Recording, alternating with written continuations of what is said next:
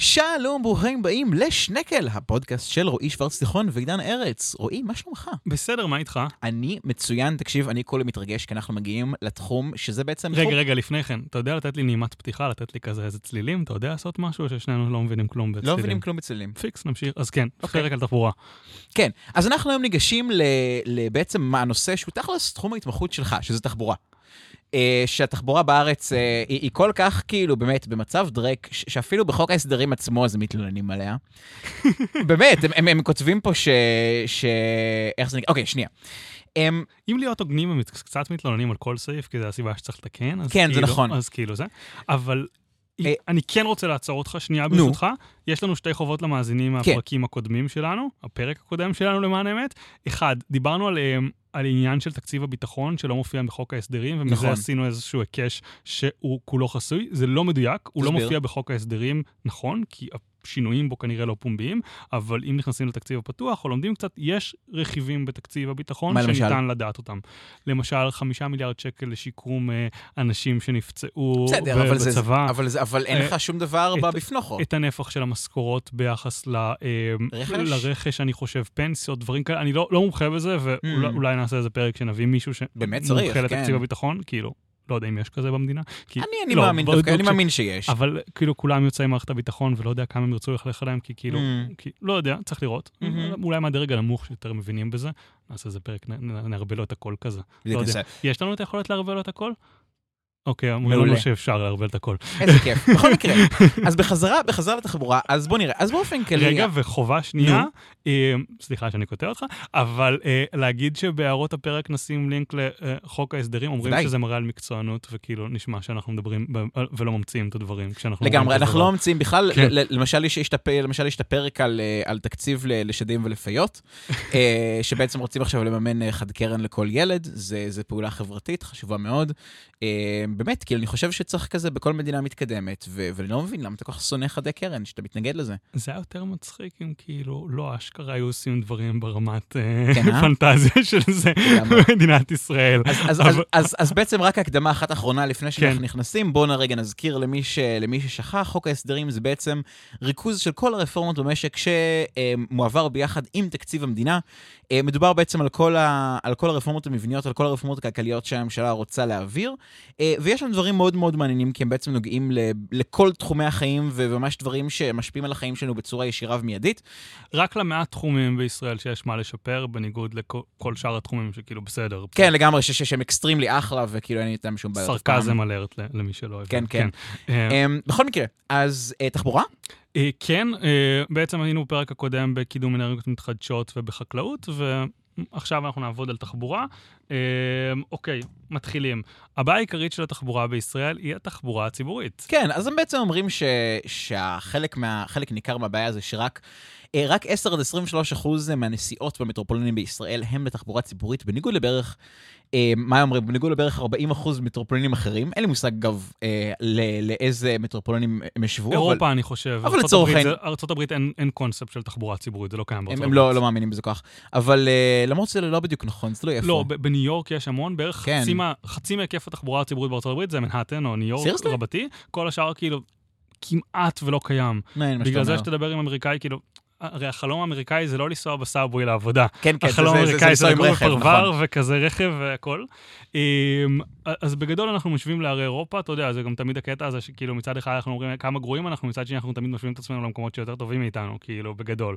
אף פעם אתה לא משווה את עצמך ל... לא יודע, מולדובה, אה, אפריקה, אה, סין. נו, המזרח התיכון, כן, כן, שזה... כאילו, א- אנחנו, אנחנו נמצאים באיזה מין מקום כזה שאנחנו, ב, שאנחנו אה, או זנב לאריות או ראש לשועלים, תלוי איך אתה מסתכל על זה.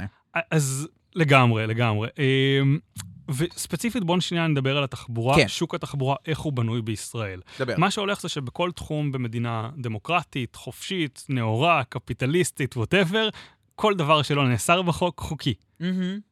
עד שהגענו לשוק התחבורה, עשינו כאן משהו מקסים, לקחנו את כל החופש, וחוקקנו מלכתחילה שהכל אסור. הכל אסור, אלא אם כן מתירים. בדיוק, ואז יש כאילו לכל כלי רכב אתם תמצאו רגולציה אחרת, כלי רכב של עד עשרה אנשים, עד שמונה, עד עשרים, אני סתם זורק פה מספרים, אבל בגדול ככה זה נראה באמת, כאילו. הסעיף, הסעיף הגדול והחשוב ב, ב, בחוקי התחבורה של מדינת ישראל, זה הסעיף בעצם שאוסר על הסעה בתשלום, שזה בעצם הסעיף ש, שמונע, כן, כן, אתם צריכים לראות את הפרצוף של רועי כאן. זה בעצם הסעיף ש, ש, שבעצם מונע כל סוג של, של גמישות ויזמות בתחום התחבורה הציבורית או תחבורת המונים, אם נהיה יותר, יותר מדויקים, בישראל. אמ, ובעצם זה מוביל למצב שאגב, בניגוד לרוב המטרופולינים שהם אה, מצטטים פה בחוק ההסדרים, שבהם הרשות המטרופ... המטרופוליטנית, איך שאומרים את זה, אה, היא בעצם אחראית על התחבורה הציבורית, בישראל זה משרד התחבורה. הוא בעצם יושב בירושלים והוא מתכנן את התחבורה הציבורית לכל מדינת ישראל, בצורה ריכוזית.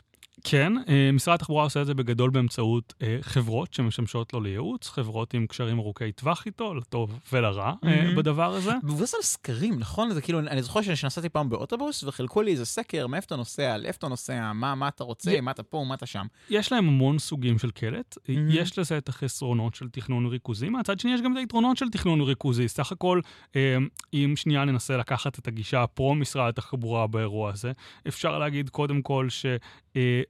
קודם כל, שבעצם מדינת ישראל הרבה יותר קטנה ממדינות אחרות. יכול להיות שנפח התעבורה בין חיפה לתל אביב באחוזים הרבה יותר גבוה מאשר בין ברלין למינכן באחוזים. כמה אנשים עושים יוממות בין ברלין למינכן? כנראה שאפס, כאילו, זה קשוח. אה, כן, זה די קשוח, זה מרחק די גדול. הייתה לי אקסיט שעשתה שמונה שעות יוממות בכל כיוון בגרמניה, משהו פסיכי. אה, מוזיקה. הבנתי, אוקיי. אה, משהו פסיכי. אבל anyway, אז, כל, אז בעצם יש כאן איזשהו ויכוח עתיק יומין, שככל שעובר הזמן מוכרע יותר לטובת מתישהו בעתיד ננסה להעביר כוח לכדי הרשויות המטרופוליניות, מונע מהמון יצרים, סכסוכים אישיים, טלנובלה קטנה כזאת של כזה יחסים בין ראשי ערים לשר התחבורה, דברים כאלה. כמו מנאייק, אבל עם אוטובוסים, ויותר משעמם. לא ראיתי עדיין. וואי, ממש שווה לך לראות. חשוב לדעת. אה, נפגשתי היום עם רועי דן. לא משנה, אני לא בטוח שזה קריטי למאזינים לא, שלנו. בכל מקרה, אה, אז... אוקיי, אז בגדול, אה, רוצים להעביר את זה לכדי תפיסה של תכנון מקומי של התחבורה הציבורית, כרגע התכנון ארצי, יש לזה חסרונות, יש לזה יתרונות. היתרון המרכזי שזה מאפשר לנו אולי יותר קשר יותר טוב בין הערים.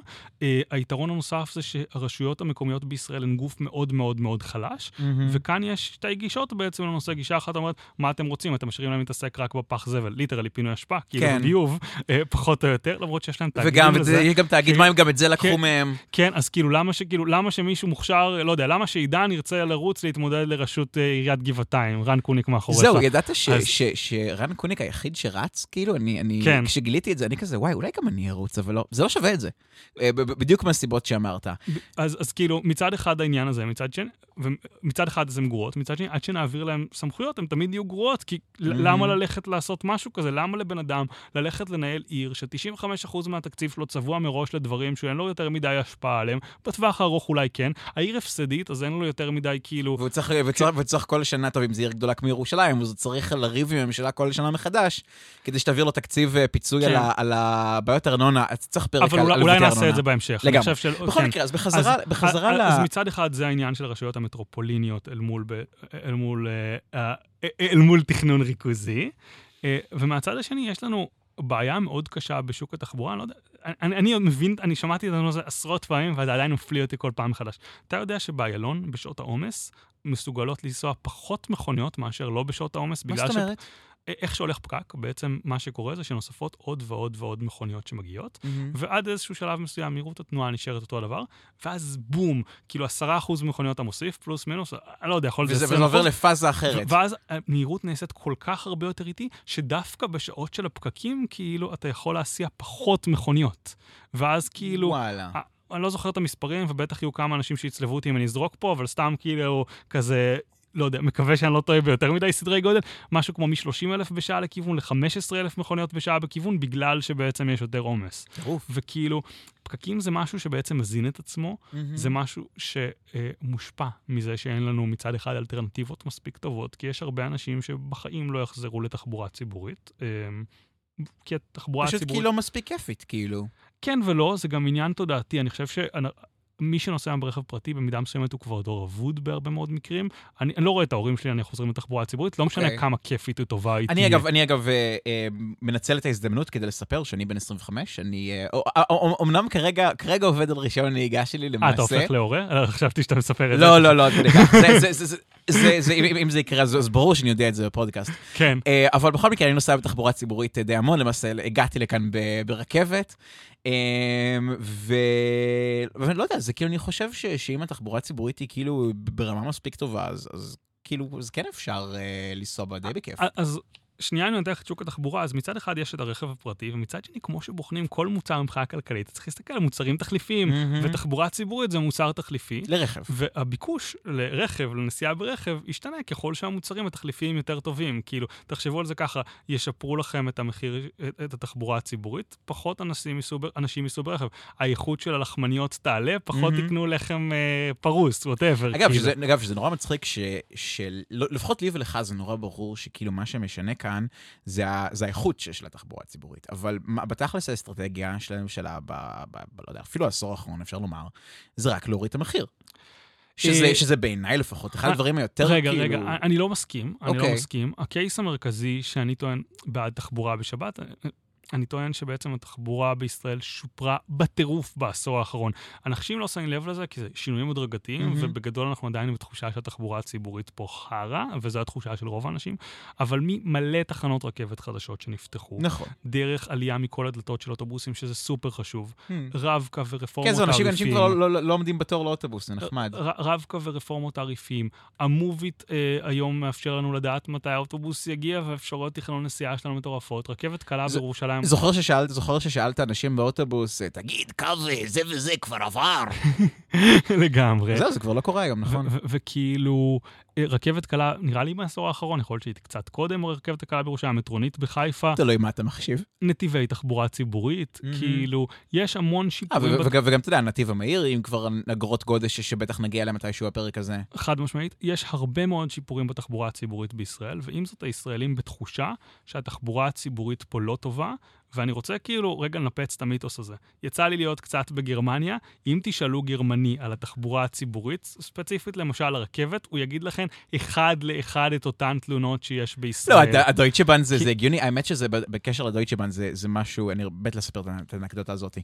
אז ככה, אז בעצם ב-2000, יש רגולציה שנכתבה בתקופת רפובליקת ויימאר, סבא? בשנות השל- בשנות ה-20 המאוחרות, איזה מזל שאתה היסטוריון, זה מאפשר לנו לשלב ככה. לגמרי. כן. והרגולציה הזאת בעצם נועדה אה, אה, לתמוך, ב, לתמוך בדויטשבן, בחברת הרכבות הלאומית של גרמניה, על ידי זה שבעצם אסרו על אה, קווי אוטובוס פרטיים, שהיו דבר מאוד נפוץ אה, כבר בזמנו, אה, לעשות, אה, לעשות אה, אה, קווים מתחרים בעצם ל- לרכבות.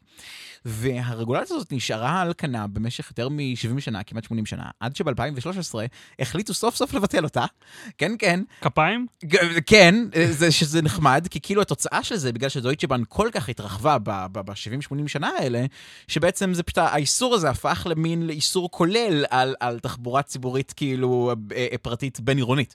כן. ובעקבות הביטול של הרגולציה הזאת, אז, אז נכנסו כל מיני חברות, ועכשיו אתה יכול לנסוע באוטובוס אה, בין ערים שונות בגרמניה, ועכשיו כאילו בכל אירופה. אז זה דבר מאוד מאוד מגניב ש- שהלוואי שהיה נכנס לארץ. אם אני לא טועה, זה גם פתח תחרות על נתח שוק שגרמה לזה שבשלבים הראשונים היו מחירי נסיעה באוטובוס של איזה יורו כדי פשוט, כן, כן, למה כאילו, שהדברים משוגעים, היה דברים מה- משהו מגוחכים. פסיכי כאילו. היום יש איזו חברה ספציפית שהצליחה להתיישב שם יפה, אני כבר שאלת... בלה בס יש משהו שם, אני משהו, חושב. כן. בקיצור, אה. אה, אבל הפואנטה היא שכאילו, שבניגוד למה שאנשים רגילים לחשוב, אז כאילו, אז זה מצחיק להגיד את זה. תחבורה ציבורית פרטית או תחבורת המונים פרטית, זה זה מודל שהוא ממש קורה בעולם, זה דבר שעושים אותו, זה זה דבר שהוא אפילו לא בלתי נפוץ. ובארץ יש לך, בגלל שיש לך את הקטע הזה, שכל דבר הוא אסור, אלא אם כן התרת אותו, אז אה, אז אין לך יוזמות כאלה. חוץ מאגב, קווים של החרדים, זה היצד דופן היחיד, וגם את זה מנסים להלאים להם. אז אני פה לא לגמרי מסכים איתך ב-100%. אני לא המומחה הכי גדול לתחבורה פרטית בעולם. אולי בארץ אני דווקא, אבל, כן. אבל, אמ, אבל בגדול, אה, יש עניין שקווים עירוניים מול בין עירוניים זה תחום שונה לגמרי. בישראל למשל, אם תיקח את לא, הקווים... אני מדבר הבין- על בין עירוניים. אם תיקח קווים בין עירוניים, יש מקום לתחבורה פרטית. זה צריך לקרות, דרך אגב, יש עכשיו כמה חברות שמנסות לעשות את זה, ומשרד Mm. התחבורה קצת חתול ועכבר איתם. אה, לא לא אגיד אה, יותר, אני- כי כאילו אני לא רוצה לסכן את היוזמות שלהם. אני עושה כרגע אה, אה, פרצוף של אה, פוזנסקי כץ. אה, זה נראה לי משהו שאתה תצטרך להסביר, כי אנחנו נשתמש בו עוד בהמשך הפודקאסט, וזה לא מספיק מוכר מחוץ לחוגים שלנו. גגלו פוזנסקי כץ. אוקיי, זה נשמע לי כמו הסבר מספק. או נשים בהערות הפרק, זה גורם לנו להישמע חכמים, אמרנו. לגמרי. אה, בגדול. אה, אז אוקיי, נראה לי נצלול לתוך חוק ההסדרים, או שאנחנו עוד רוצים לדבר על אגרות גודש מלכתחילה?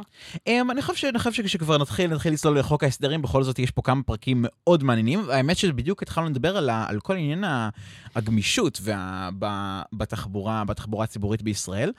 Um, והסעיף הראשון, הוא בעצם, האמת ש, שאני חשבתי שהוא עושה משהו אחר, אבל אז גיליתי שהוא, שהוא עושה משהו, משהו אחר ממה שחשבתי.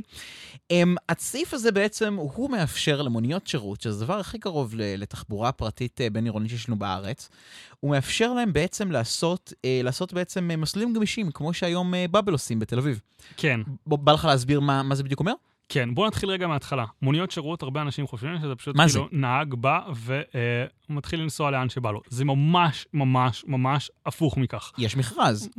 כן, אבל בואו נלך עכשיו אחורה. קודם כל, שירות זה אה, הלכי מילים שבא משתי מילים באנגלית בכלל, shared route, נתיב משותף. מה? והפך למילה אחת שקיצרו אותה לא. לשירות. כן, כן. חידשת לי כרגע, איזה טירוף. אה, ראיתם? לפעמים גם אני מחדש לעידן בשפות. אבל...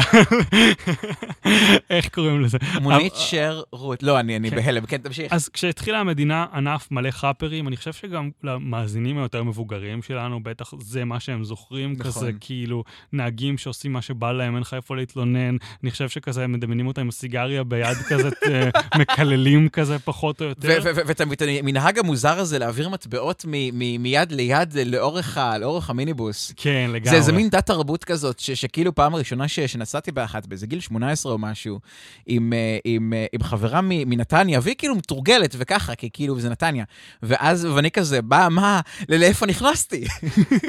זה היה, זה, זה, זה, זה היה מאוד מאוד משעשע. אז בגדול מה שקרה זה ששוק התחבורה הציבורית, נביא אותך ל-1990 פחות או יותר, אל תתפסו אותי לגבי השנה ופה, יש לנו תחבורה ציבורית רק אגד ודן במדינת ישראל, ואגד ודן מתכננים את הקווים ומגישים חשבון למשרד התחבורה, ומשרד התחבורה כנראה משלם כמה שאגד ודן אומרים לו פחות או יותר.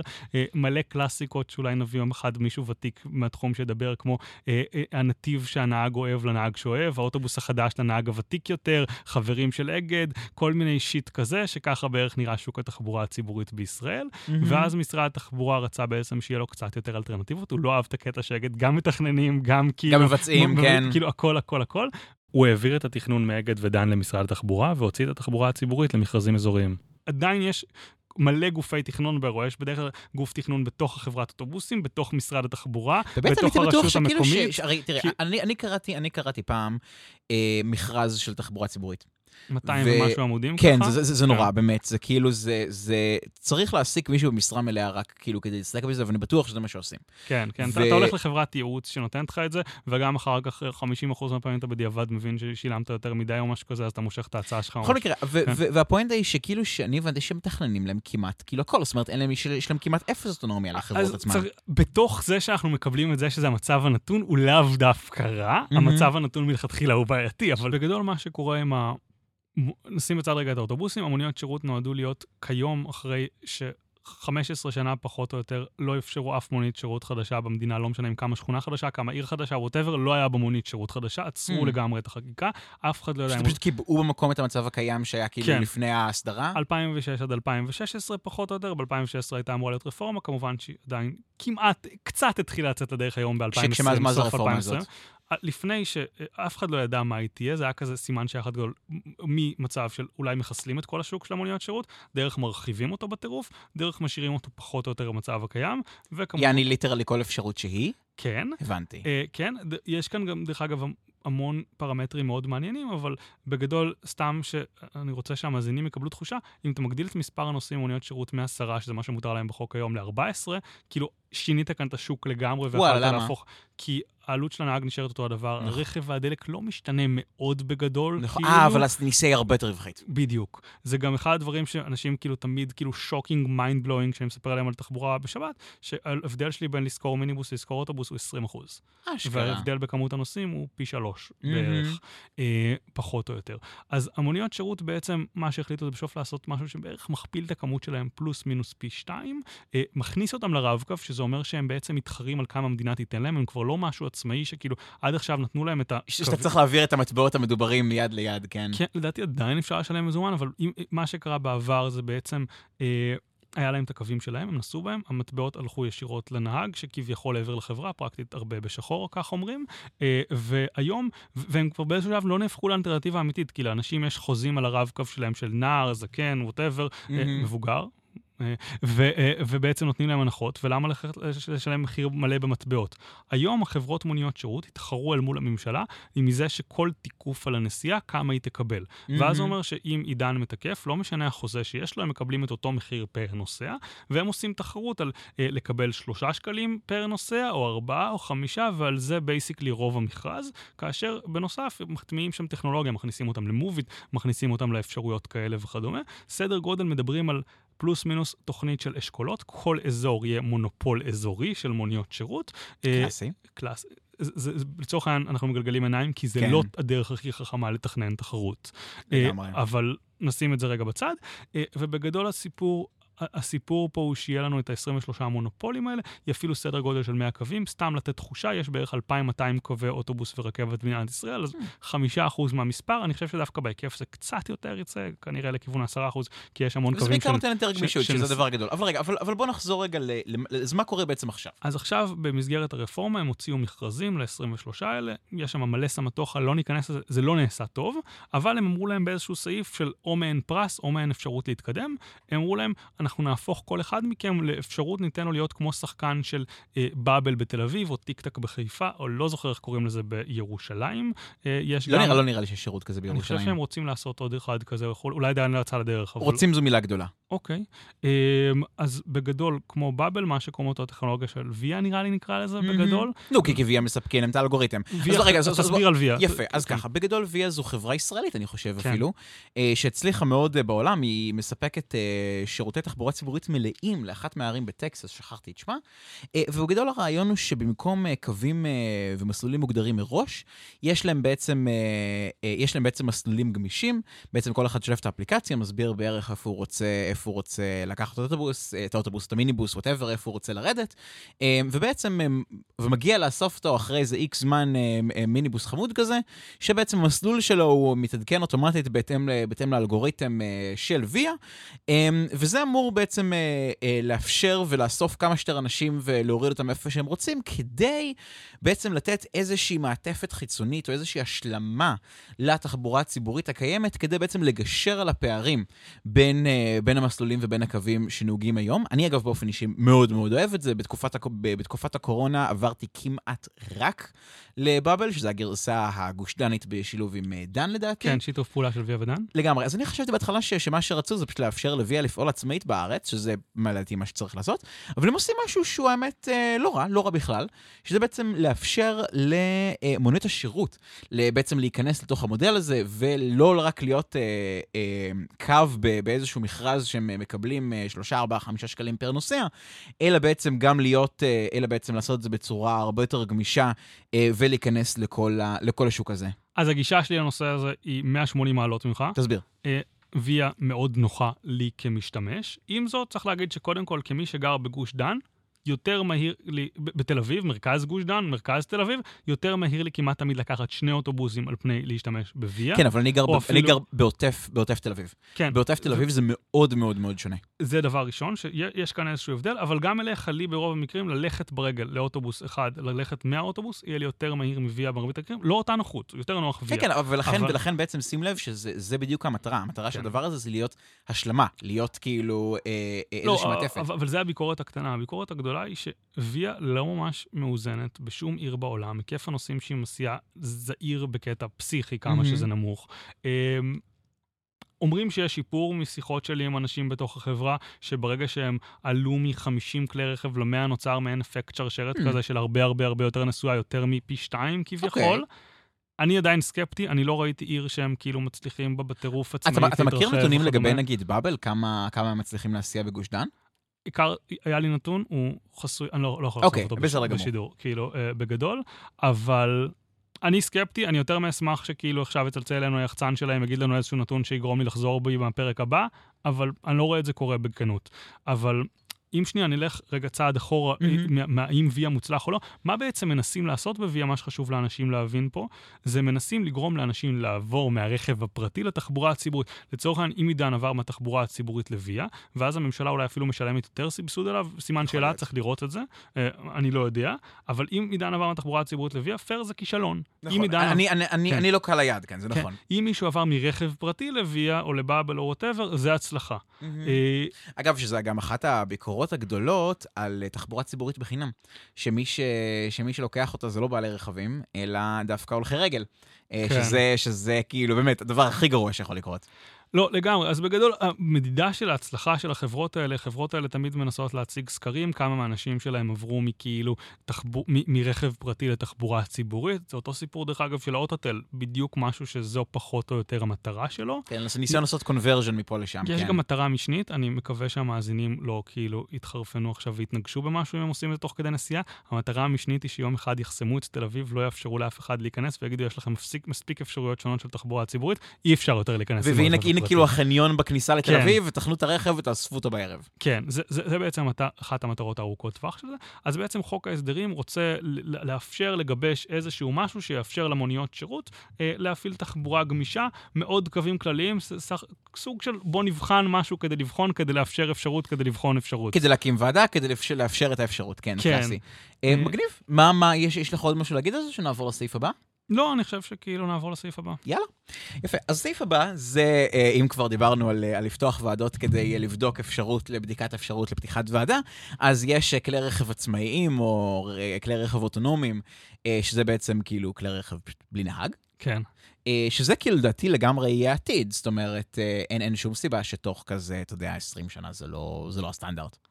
על פניו אני נוטה להאמין, אם כי כל פעם מתפרסמות תחזיות כזה, ואז הן לא עומדות בהן, וכאילו, וכזה, אתה יודע, זה כזה. כן, אבל, אבל הביקוש ימשיך להיות שם, זאת אומרת, זה כאילו אנשים ימשיכו לשבור את הראש על זה עד, עד, ש, עד שמישהו יצליח. ועל פניו טסלה הולך לא רע בדרכים בין-עירוניות, למיטב כן. ידיעתי.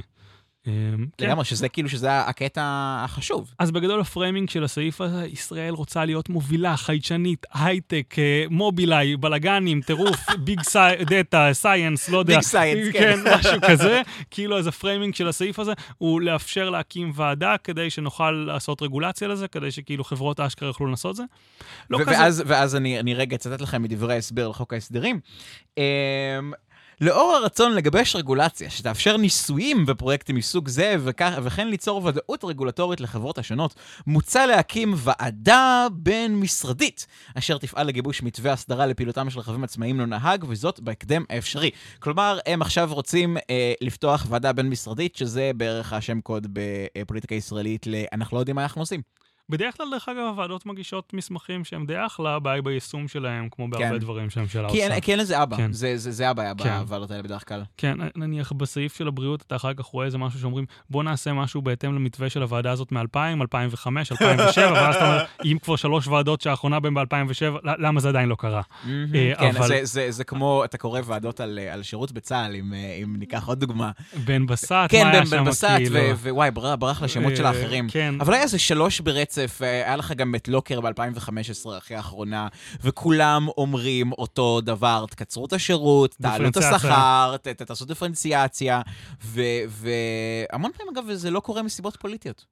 כי כאילו זה, זה, זה שובר ל- ל- לפוליטיקאים איזשהו, איזשהו אתוס שאני חושב אפילו שזה עניין דורי, לא, אבל לא, מה? לא נדבר עכשיו על צה"ל, בואו, אנחנו צודק. קצת סוטים יותר מדי. לגמרי. אה, אבל, אוקיי. אבל, אבל זה בגדול הסעיף, כאילו אין פה שום דבר חוץ מבוא נקים ועדה בין-משרדית כדי שתקבל החלטות בשבילנו. עכשיו אנחנו לא בזה קצת. ציניים, אבל זה לאו דווקא דבר רע בסך הכל, אבל כאילו, כן, טוב, לא יודע, בוא, בוא נו, נמשיך. עדיף, כן. עדיף מאשר, עדיף להקים את הוועדה הבין-משרדית עכשיו, מאשר להקים אותה אחרי שזה כבר נהיה טכנולוגיה ויאבילית, ורק עכשיו אנחנו כן, נזכרים. זה סך הכל דבר טוב שישראל תהיה לה את האפשרות לעשות את זה, לגמרי. בגדול. יאללה. אה, אה, נתיבי תחבורה ציבורית ושבילי אופניים, הסעיף השלישי תחת התחום של התחבורה. בגדול, אם שנייה ניתן כזה זום אאוט, זה סעיף סל שבא לפתור הרבה מאוד בעיות נקודתיות שיש היום כתוצאה מזה שזה שוק סופר מתוכנן, סופר ריכוזי אה, וכדומה. אז בוא, אז בוא תסביר, מה, מה בעצם, מה זה נתיב תחבורה ציבורית ומה הוא נועד לפתור? נתיב תחבורה ציבורית זה, בואו נתחיל רגע מההתחלה. יש דבר הנקרא אגרות גודש. אם נכון. נשים בצד אחד את כל השיפורים האפשריים בתחבורה הציבורית בישראל, אה, לדוגמה, תכפילו את הרכבות פי שתיים, תעשו רכבת לכל עיר, פתח סוגריים, זה לאו דווקא רעיון טוב, סגור מהמם. סוגריים. אה, איך קוראים לזה? לא יודע. אה, תחשבו על כל מה שאתם רוצים. החלום שלכם לגבי התחבורה הציבורית, שימו בצד אחד את כל החלומות האלה, תחבורה בשבת וזה. אה, תחבורה בשבת היא אולי דווקא השינוי הכי גדול שם, אבל לא נתעסק בזה כרגע. אה, ובצד שני את אגרות גודש. רוב הכלכלנים יגידו, זרקו לפח את הצד הראשון, קחו רק את האגרות גודש. כן, הרעיון של אגרות גודש בגדול הוא שיש, אה, בעצם כשבן אדם נכנס לפקק, הוא לא רק דופק את עצמו. כן. הוא בעצם דופק גם את עצמו וגם את כל מי שנכנס אחריו. ו, ובעצם יש לנו איזושהי, זה משהו שכלכלנים קוראים לו השפעה חיצונית שלילית, אה, או החצנה, שזה בעצם, אה, אה, שזה בעצם דבר שאנחנו צריכים לתת לו תג מחיר איכשהו. ובעצם אגרות גודש נועדו לפתור את הדבר הזה על ידי בעצם הפיכה של הכניסה לפקק, או הכניסה לכביש שהוא, שהוא עמוס, למשהו שאתה משלם עליו ממש בכסף. כן. אה, כשבעצם כדי לא להעלות, אני לפחות מציע, כדי לא להעלות את, אה, את אה, נטל המיסוי בישראל, אז אפשר נגיד להחליף אה, את כל או חלק מהמס על דלק, שזה בעצם המחיר היום שאתה משלם לכניסה לכביש, מי שחושב שהכניסה בכביש היא בחינם, זה פשוט שקר, זה פשוט נכון. אה, פשוט להפוך חלק מזה לאגרת גודש כשאתה בעצם, אה, כשאתה נכנס לנתיב. אפשר לעשות את זה אפילו מראש, אתה יכול להיכנס ל-Waze, לראות כאילו אה, מה הנתיב הכי זה, ואז אתה רואה, אה, הנתיב הזה יעלה לי עשרה שקלים, יאללה, בוחר, משלם כבר מעכשיו, וזה המחיר ש- שקבוע לך. לאנשים יש כל מיני פחדים לגבי זה. אז, אז בואו... אבל, אבל רגע, אבל הפואנטה הכלכלית של זה, היא שברגע ש, ש, שאתה מתקרב לסף הקריטי הזה, שבעצם דיברנו עליו קודם בקשר לפקקים, וזה טוב שדיברנו על זה, אז בעצם המחיר הוא הולך ועולה, עד שזה מגיע למצב שבו אתה צריך לשלם באמת יחסית הרבה כסף כדי uh, להיכנס לפקק, ורק אנשים שזה באמת באמת חשוב וקריטי להם, יעשו את זה. בוא רגע, אז אני דווקא רוצה כן להתעכב על הנקודה הזאת, זה? כי אגרות גודש זה דבר מאוד חשוב. בואו נניח, נעשה איזה מודל של צומת, יש שם פקק, ווטאבר, 10 דקות. באה עוד מכונית. המכונית הנוספת לא מגדילה, לא רק תחכה 11 דקות כי כבר יש 10 דקות, אלא היא תגרום לכל המכוניות נוספות לחכות עוד דקה, כל המכוניות שיגיעו אחריה. וזה בעצם מה שעידן מדבר על החצנה שלילית. אני עושה משהו שפוגע גם בעצמי, אבל יותר מכך פוגע באחרים. היה ויש אגרות גודש, ופתאום זה יעלה 20 שקל להיכנס לתל אביב באותו זמן, אני לא יודע. אה, אומרים שכאילו הערכה צריכה להיות פחות או יותר, שיש מודל מעניין, שמעתי עליו דווקא מחבר'ה אצלך בקהלת, של בעצם שקל על כל דקה הפרש בין הנסיעה ב-4 בבוקר שאין אף פקק, לבין הנסיעה באותו זמן, או משהו כזה. זה נכון, פחות או כן. יותר כמה שצריך להעריך את זה. אה, ובגדול, אה, מה שיקרה זה שיקרה, הבן אדם יעמוד בפני 20 שקלים, נניח מחיר כניסה לתל אביב, יש לו את האפשרות או לנסוע לא בזמן הגודש, קצת קודם או קצת יותר מאוחר, למשל. ל- ל- לצאת מהעבודה קצת אחר כך, כן. או, או, או קצת קודם ו- וכולי, כן. לעבוד מהבית. נכון, שזה. שזה גם, גם דבר שמתפתח היום בלי קשר, מסיבות אחרות. או לנסוע בתחבורה הציבורית, ואז ההנחה היא שאם המחיר דרך מספיק גבוה, התח... הנסיעה חלקה לגמרי. זה אומר שבעצם בן אדם שהיום מחכה בפקק, אה, לא יודע, חצי שעה, 40 דקות בכניסה לתל אביב, אה, ועושה את זה ברכב פרטי, כי בכל מקרה גם האוטובוס לא אוסף ליד בית במדויק, או מוריד בעבודה במדויק, פתאום יוכל לנסוע באוטובוס. אה, שישה שקלים עלות נסיעה באוטובוס, או לשלם כפי שהוא משלם היום על נסיעה ברכב ולהוסיף את ה-20 שקלים אגרות גודש, ובשניהם הוא יגיע הרבה יותר מהר מאשר במצב הנתון היום, והמטרה היא להעביר עוד אנשים לתחבורה הציבורית, כי אם אני אומר לכם, וואלה, אין לך פקק בתחבורה הציבורית, זה, זה תמריץ לא, לא קטן, כן לעבור לתחבורה הציבורית, שסך הכל שנינו חושבים שכנוסע זה יותר נחמד מאשר לגמרי. לנהוג ב, מבחינתי לפחות. בפקק, כן. כן. אגב, שזה באופן כללי, האמת שזה, עשו על זה, עשו מחקר מאוד מאוד יפה, ובעצם אה, אה, על, על לגבי אה, ההשפעה על... אה, מכיר מחקרי עושר, אז, אז ניסחו כן. את זה יפה, אמרו אה, לגבי כמה אתה מרוצה מה, מהחיים. ו, ואז בעצם, אה, ודירגו אה, דירגו אנשים לפי איך הם מגיעים ל, ל, לעבודה, איך הם עושים את הקומיוט שלהם. וזה אחד הדברים שהכי משפיעים. כשהדבר שבעצם מוסיף לך הכי הרבה אושר באלף, זה בעצם, אה, זה נסיעה ב- באופניים או, או, ב, אה, או ברגל. וה, והדבר כאילו הכי הכי הכי הכי גרוע, זה לנסוע ברכב לבד בפקק. זה דבר שבאמת יש לו השלכות נפשיות אמיתיות לגמרי. אני- מעבר לזמן שמתבזבז. אז מה שאני שמעתי לגבי המחקר הזה, לא קראתי אותו, אז אני לא יודע, אבל שכאילו, ממש יש איזה מתאם ליניארי בין הזמן שלוקח לך מהיציאה מהבית לעבודה לבין האושר שלך, ככל שזה יותר זה, כאילו זה, זה מקביל מה- למשהו כמו הכפלה של השכר, כאילו כל, כל שעה של קומיוט ביום. מטורף. משהו מטורף לגמרי, לגמרי. כן. אה, פסיכי לגמרי. אז בעצם... אה, אוקיי, אז, בחזרה, אז בעצם. לנתיבי תחבורה ציבורית. בעצם נתיבי התחבורה הציבורית, הם בעצם מה? הם מנסים לחקות את, ה, את ההשפעה של אגרות גודש? מה, מה הולך פה? נתיבי תחבורה ציבורית זה בעצם כמו להגיד, אוקיי, נתחיל רגע עוד טיפה אחורה.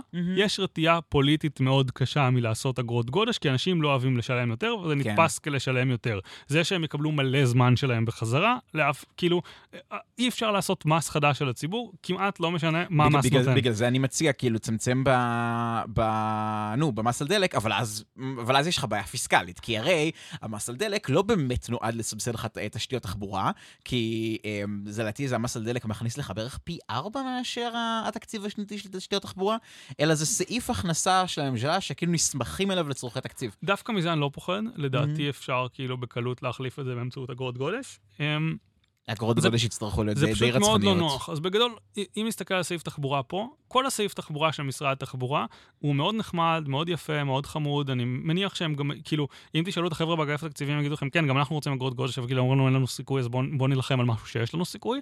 אבל בגדול, נתיב תחבורה ציבורית זה כמו אגרות גודש, רק שהם מרוקנים אותם מהאוויר שלהם. כאילו, דמיינו כזה גלגל כזה מצוף כזה, וכזה פתחו אותו והתחילו לרוקן אותו, זה נתיבי תחבורה ציבורית. נכון. כי זה לא לפה ולא לפה, זה לאפשר לא, לאוטובוסים לנסוע יותר מהר, אבל להפקיע נתיב שלם לצורך זה, שהרבה מהזמן אולי הוא לא מנוצל בכלל, אה, שבישראל נותנים גם למוניות וגם לאופנועים לנסוע על זה. ו- נכון, גם, גם האופנועים יכולים לנסוע בנת"צים. יש להם איזושהי סברה שזה לא באמת מעכב את זה בגלל שזה לא בשימוש מקסימלי או משהו כזה. אני לא באמת מכיר את המחקרים, יכול להיות שהם צודקים, יכול להיות שהם לא. Mhm. נראה לי counter אינטואיטיבי לי, אבל אולי, לא יודע, אולי, אולי זה נכון, אולי זה כן, נכון. אוקיי. אה, בגדול, אז בעצם עושים כאן כאילו, זה, זה דרך להעדיף תחבורה ציבורית, קצת לא לפה ולא לפה, אבל אם... כן, כשבעצם חלק, אגב, מהרעיון של, של אגרות גודש, זה מכיוון שבעצם אה, אגרות גודש הן פר כלי רכב, אז בתור, בתור אה, אה, נוסע באוטובוס, גם אם נדמיין פה שוק פרטי לחלוטין, אז בגלל שזה מתחלק על פני הרבה מאוד נושאים, אז האגרת גודש שתשלם היא תהיה מינימלית, בניגוד לנסיעה, כאמור, נסיעה לבד ברכב בפקק, שהיא תהיה מאוד מאוד יקרה, וזה בעצם התמריץ שמנסה, שמנסים ליצור לך אגרות גודש, שמנסים, שאגב, זה גם האגרות גודש, זה בעיניי לפחות ניסוי, ניסיון לחיקוי של בעצם איך יתנהג פרטי. נכון? הרי בוא, בוא, בוא שנייה נפליג בדמיוננו לאנקפיסטן, כן? אני לא, אולי דווקא זה משהו שנשמור על פרק ייעודי על תחבורה ולא על חוק ההסדרים או משהו אוקיי. כזה, כי אני חושב שזה קצת מעמיק מדי. בסדר גמור. בוא נמשיך. אה, בגדול, אז יש לנו את הסעיף הבא, זה איזה שטות שרוצים להפוך את הנהג, לשים מצלמות על אוטובוסים של תחבורה ציבורית, להפוך אותם למיזם שומרי... אה, בוא לא נרחיב. עליו. הוא כאילו, כן, שומרי הדרך, רק לסיים את שתי מילים. אוקיי.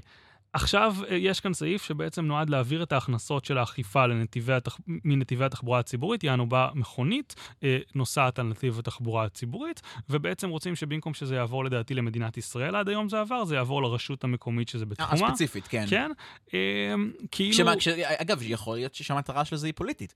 המטרה של זה היא לתמרץ ערים להסכים ש, שישימו אצלם אה, נת"צים. אני חשבתי שזה לתמרץ אותם לאכוף, כי נראה לי אחר כך, פשוט שזה בסעיף אחר או משהו כזה, מאפשרים להם לאכוף את זה בעצמן או משהו אה, כזה. ב- בניגוד, בניגוד למשטרת התנועה, כאילו, אז שזה כן, יהיה הפיקוח. העירוני. משהו כזה, לדעתי, מעניין, האמת שזה רעיון טוב. לדעתי כבר בתל אביב יש מצלמות, אני חושב, שכאילו מצלמות מכיר. את הנתיבי תחבורה הציבורית וכאילו נותנות קנסות למי שעוצר, דברים לא, על כאלה. אוטומט, כאילו? אני חושב שכן, אני לא יודע מי. יכריע עליהם, הממשלה, העירייה, לא יודע, נבדוק, אולי.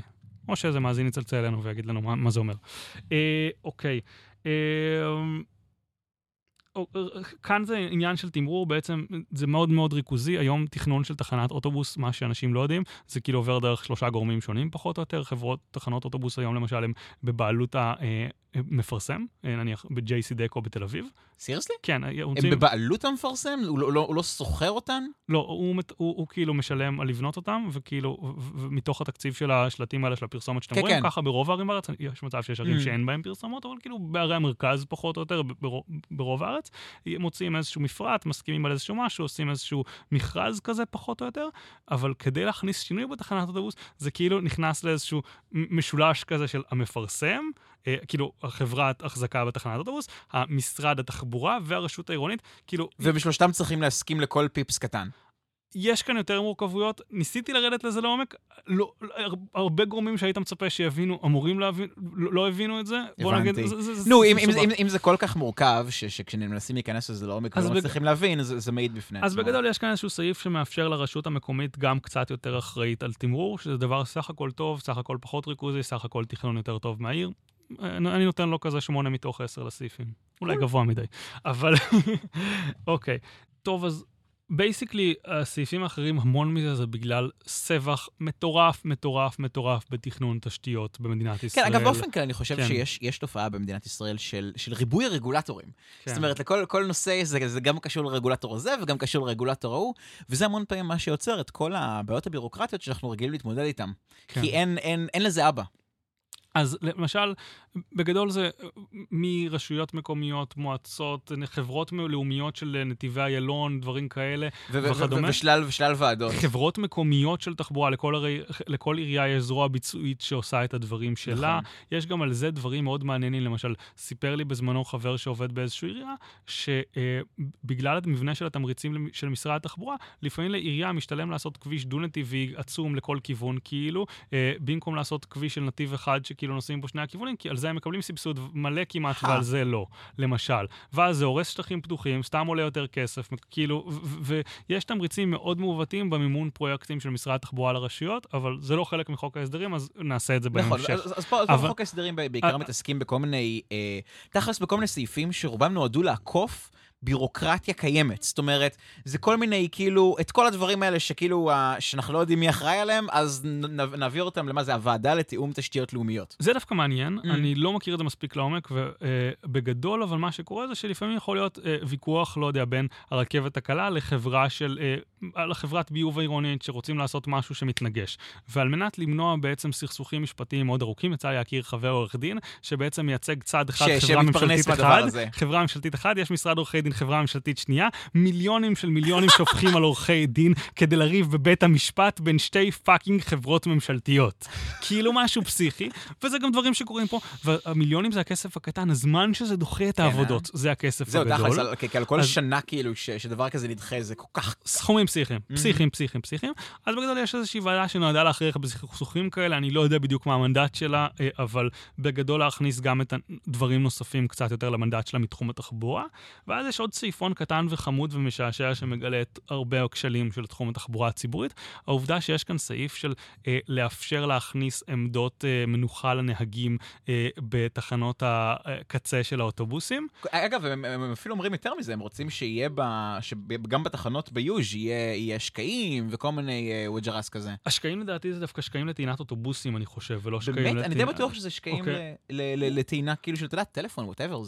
יכול להיות. היום בהתנהלות בתחבורה ציבורית זה, זה כבר נהיה די חשוב אם לא, נגמרה הסוללה. הסיפור כאן של הנהגים הוא סיפור מאוד מעניין. לכאורה אתה אומר, אם תשאלו כל בן בשוק התחבורה הציבורית, יגידו שיש מחסור ב-5,000 נהגים, לא יודע כמה 5,000 זה באמת הנתון, כאילו, אבל יש הסכמה על זה שצריך יותר נהגי תחבורה ציבורית. לכאורה, בשוק חופשי, מה שזו... היה מעלה את השכר. היה מעלה את השכר, נכון? אה, שכר יותר גבוה, יבואו עוד אנשים. אממה, מה שקורה זה שכל שוק התחבורה הציבורית הוא לבסיס מכרזים שיורדים לרמת ה...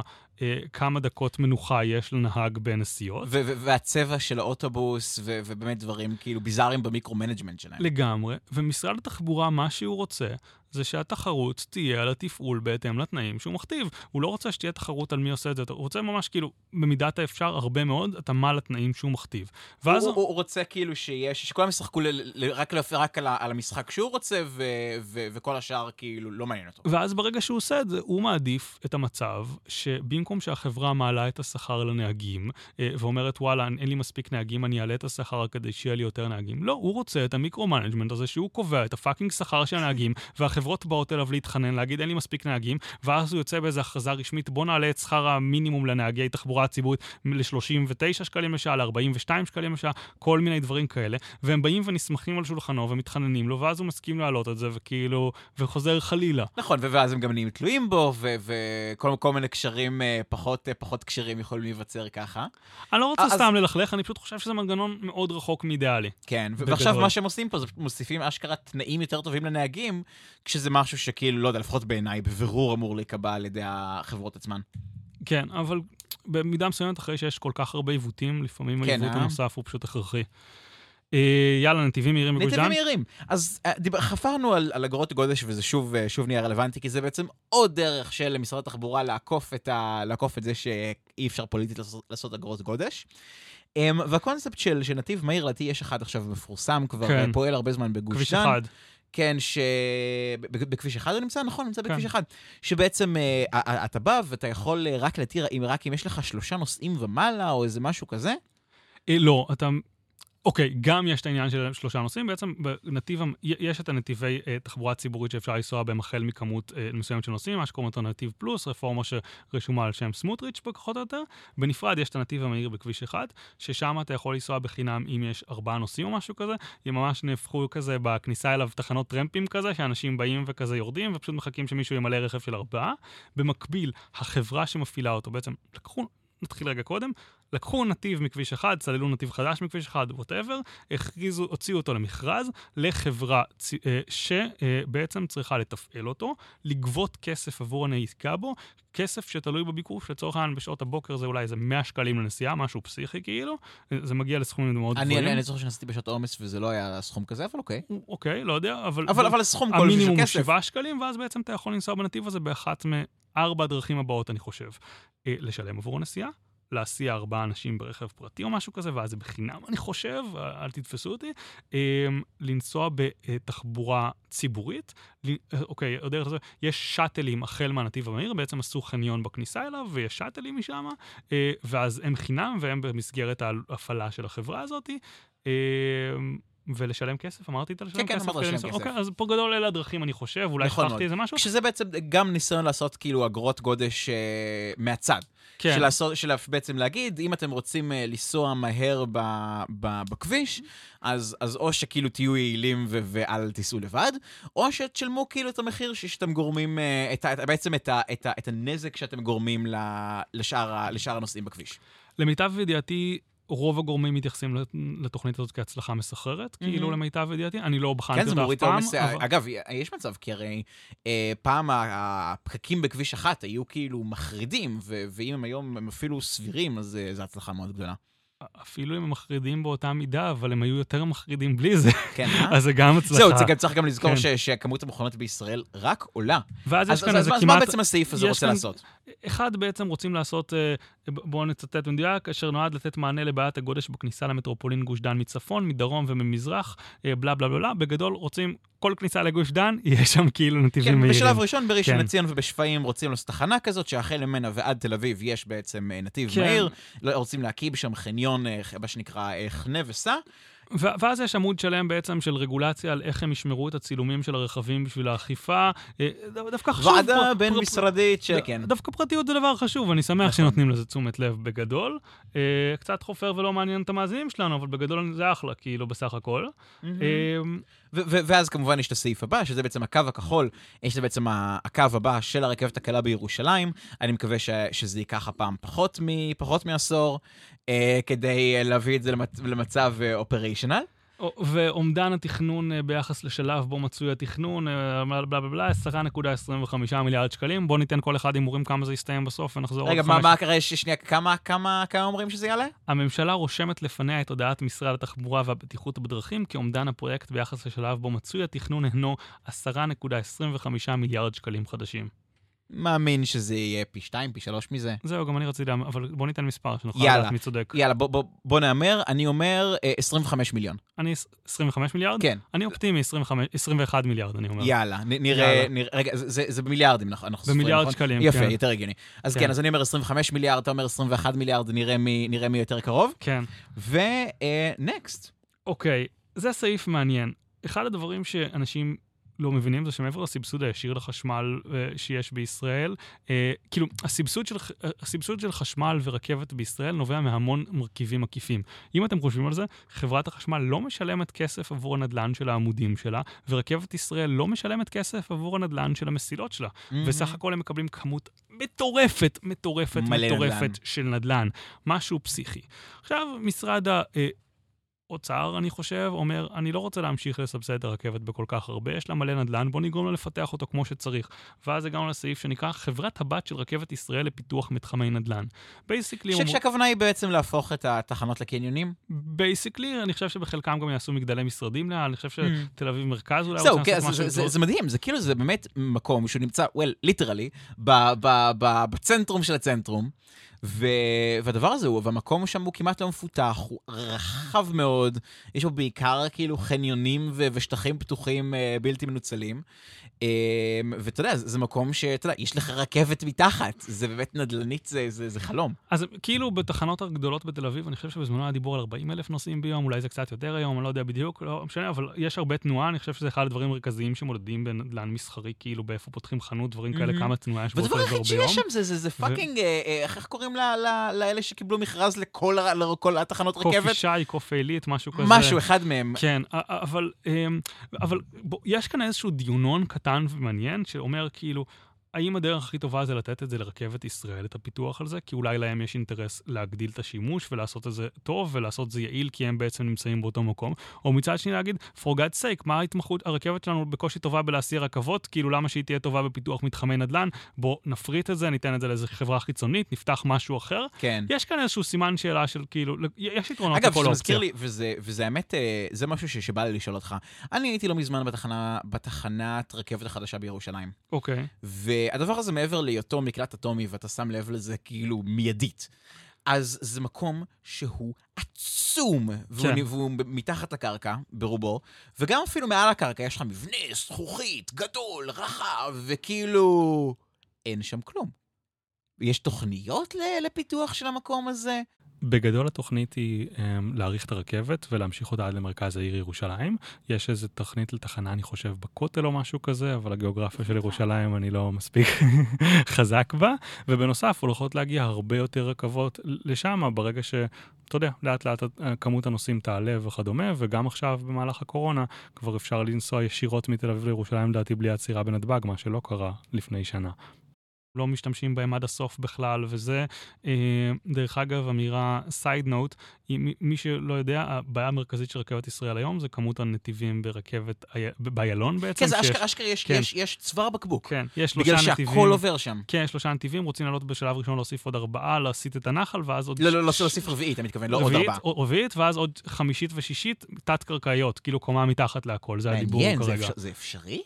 עד 2030 הכל אפשרי. אה, לא, אה, הייתי אופטימי, 2040. כן, בטח, נראה לי. 2030 זה מאוד אופטימי. כן, נראה לי, לא יודע, נראה. אה, אבל זה, זה פחות או יותר הדיבור, וכל בעיה שיש ברכבת ישראל, basically, תייחסו לזה. כאילו, יש איזה צוואר בקבוק מאוד משמעותי שאי אפשר לעבור אותו, יש אספקטים של מסילה מזרחית שבעצם תעקוף את זה מהמזרח, לא משנה, לא ניכנס לזה עד כדי כך, אבל יש כאן איזושהי שאלה מעניינת, האם בעצם הגוף שהכי נכון לתכנן את המתחמי נדל"ן האלה הוא רכבת ישראל? כן, לא, אולי. יש כאן עוד סעיף נוסף חמוד, אה, נראה לי אנחנו לקראת הסוף, אבל הסעיף הזה בעצם מדבר על אה, חובת התיקוף של הרב-קו. מסתבר, אם אני מבין את הדברים נכון, שהיום חברות האוטובוסים, ברגע שאתה בא לתקף את הכרטיס, וכשאתה לא תיקפת את הכרטיס ועולה פקח ובא אה, לתת לך קנס, הן לא גובות את זה, כי העלות של ההוצאה לפועל גבוהה מדי עקב כל מיני בירוקרטיות, ומה שהם מנסים להכניס כאן זה שהמעמד של הנתינת קנס ייחשב כמו התראה להוצאה לפועל, חוסך להם כסף, ואז פתאום חברות האוטובוסים יתחילו לגבות את הכסף של מי שלא משלם עבור הנסיעה באוטובוסים, מה שמסתבר שלא קרה עד היום. עידן, אתה רוצה לסכם את הפרק? תשמעו, התחבורה הציבורית בארץ היא באופן כללי, יש בה באמת גזילין בעיות, שחלקן הגדול אה, נובעות מגם תיכון ריכוזי, גם ריבוי רגולטורים, גם אה, כל מיני רפורמות של כולם, כולם, ברור שחייבים לקרות, אבל מאוד מאוד קשה להעביר אותן פוליטית. ואני חושב שבעצם יותר מודעות אה, ציבורית לעניין הזה ולשיקולים שיש, ו- ויותר בעצם אה, אה, מחשבה רציונלית מאחורי זה, וגם יותר כאילו ביזור למי שיודע את זה בשטח, יכול מאוד לשפר את זה. כן, אגב, ראוי לציין ש... המון, המון אנשים במשרד האוצר ובמשרד התחבורה עושים עבודה כאילו די חכמה בלנסות uh, לעקוף את הבעיות האלה. אה, אבל יש עוד, יש עוד הרבה דברים שאפשר לעשות, בראשן בעיניי לפחות אגרות גודש זה הדבר הכי הכי קריטי, ש... שבאמת, ברגע שאתה עושה אותו, כאילו זו הרפורמה האחת הבודדת שברגע שאתה עושה אותו זה ישפר דרמטית את כל התחבורה בישראל. אה, אם, ו... אם אפשר שנייה לדבר על זה, יש איזה משהו שעומר מואב מאוד אוהב להפנות אליו כל פעם, mm-hmm. שבשוודיה, בשטוקהולם, עשו מעין ניסוי טבעי באגרות גודש. אה, עשו אגרות גודש ואז ביטלו אותם איזה פעמיים, עשו, ביטלו, עשו, ביטלו, ואתה רואה איך כל פעם הציבור שהתחיל באיזה 40% תמיכה בהם, בסוף הגיע ל-70% תמיכה בהם, וכולם עפים על זה שיש אגרות גודש, כי הם מגיעים יותר מהר לעבודה, והזמן שלהם שווה כסף, או איכות חיים, וזה כאילו, והציבור אוהב את זה בסופו של דבר, זה מאוד מפחיד בהתחלה. אז אולי צריך לעשות איזה פיילוט של שלושה חודשים. השאלה אם צריך פרק על אגרות גודש, אני לא בטוח שירדנו כאן מספיק לעומק. אני מסכים, אני חושב כן. ששווה להעמיק בזה, להביא גם דוגמאות מהעולם, להביא גם כאילו את המחקרים, כאילו, מחקרים אמיתיים. בראש שלי, כשאנחנו מדברים על משהו פה בחוק ההסדרים, אנחנו בעצם מכוונים לרבע מההיקף שהיינו מכוונים בכאילו, בפרק יהודי, בסדרה יהודית. זה. כאילו דברים כאלה. גם, אבל אני חושב שיש גם יתרון במעבר על נושאים שלרוחב, אגב, חשוב לציין שחוק ההסדרים, חלק מהבעיות שלו בגלל שזה כל כך מרוכז. אז, אז תחשוב שאנחנו כאילו לא מספיקים להגיע לזה בפרק הפודקאסט. עכשיו תחשוב כאילו לחבר כנסת שצריך לרוץ ממקום למקום ו- ולהצביע על הדברים האלה, אין לו שם צא מושג על מה הוא מצביע. רגע, להגיד למאזינים שלנו באיזה עמוד אנחנו מחוק ההסדרים מתוך כמה? בוודאי. אנחנו בעמוד 16 מתוך 215, סיימנו את הפרק הקודם בעמוד 9 או 11, מה זה היה? ממש, משהו כזה מתוך 215. כן. עכשיו, יש לציין שחלק ניכר זה נספחים ומפות ו- ו- וכל מיני מסמכים משפטיים, אבל עדיין הכמות ידע פה היא ביזארית.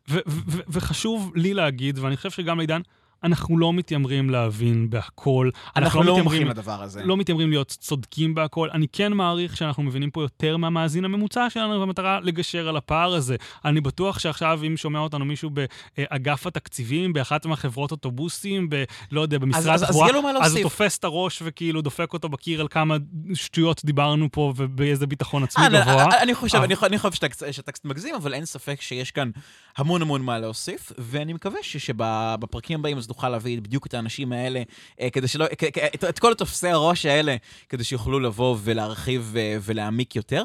אה, וזהו, ובפעם... נעשה כאילו ספוילר לפרק הבא, כזה פרומו לפרק כן, הבא. כן, ובפרק הבא אנחנו נתעסק בכל הנושא של בריאות, ובכל הרפורמות שמנסים לעשות שם, ובכל מערכת הבריאות הקורסת שלנו, או שמא האומנם, ו... בדיוק. אז תודה רבה רבה שהאזנתם, נתראה בפרק הבא. רועי, תודה רבה. תודה לעידן, ותודה לפודקאסטיקו המעולים שאנחנו מתארחים אצלם. אה, מתים עליכם, אוהבים אתכם. ויאללה, נתראה בפרק הבא. נתראה.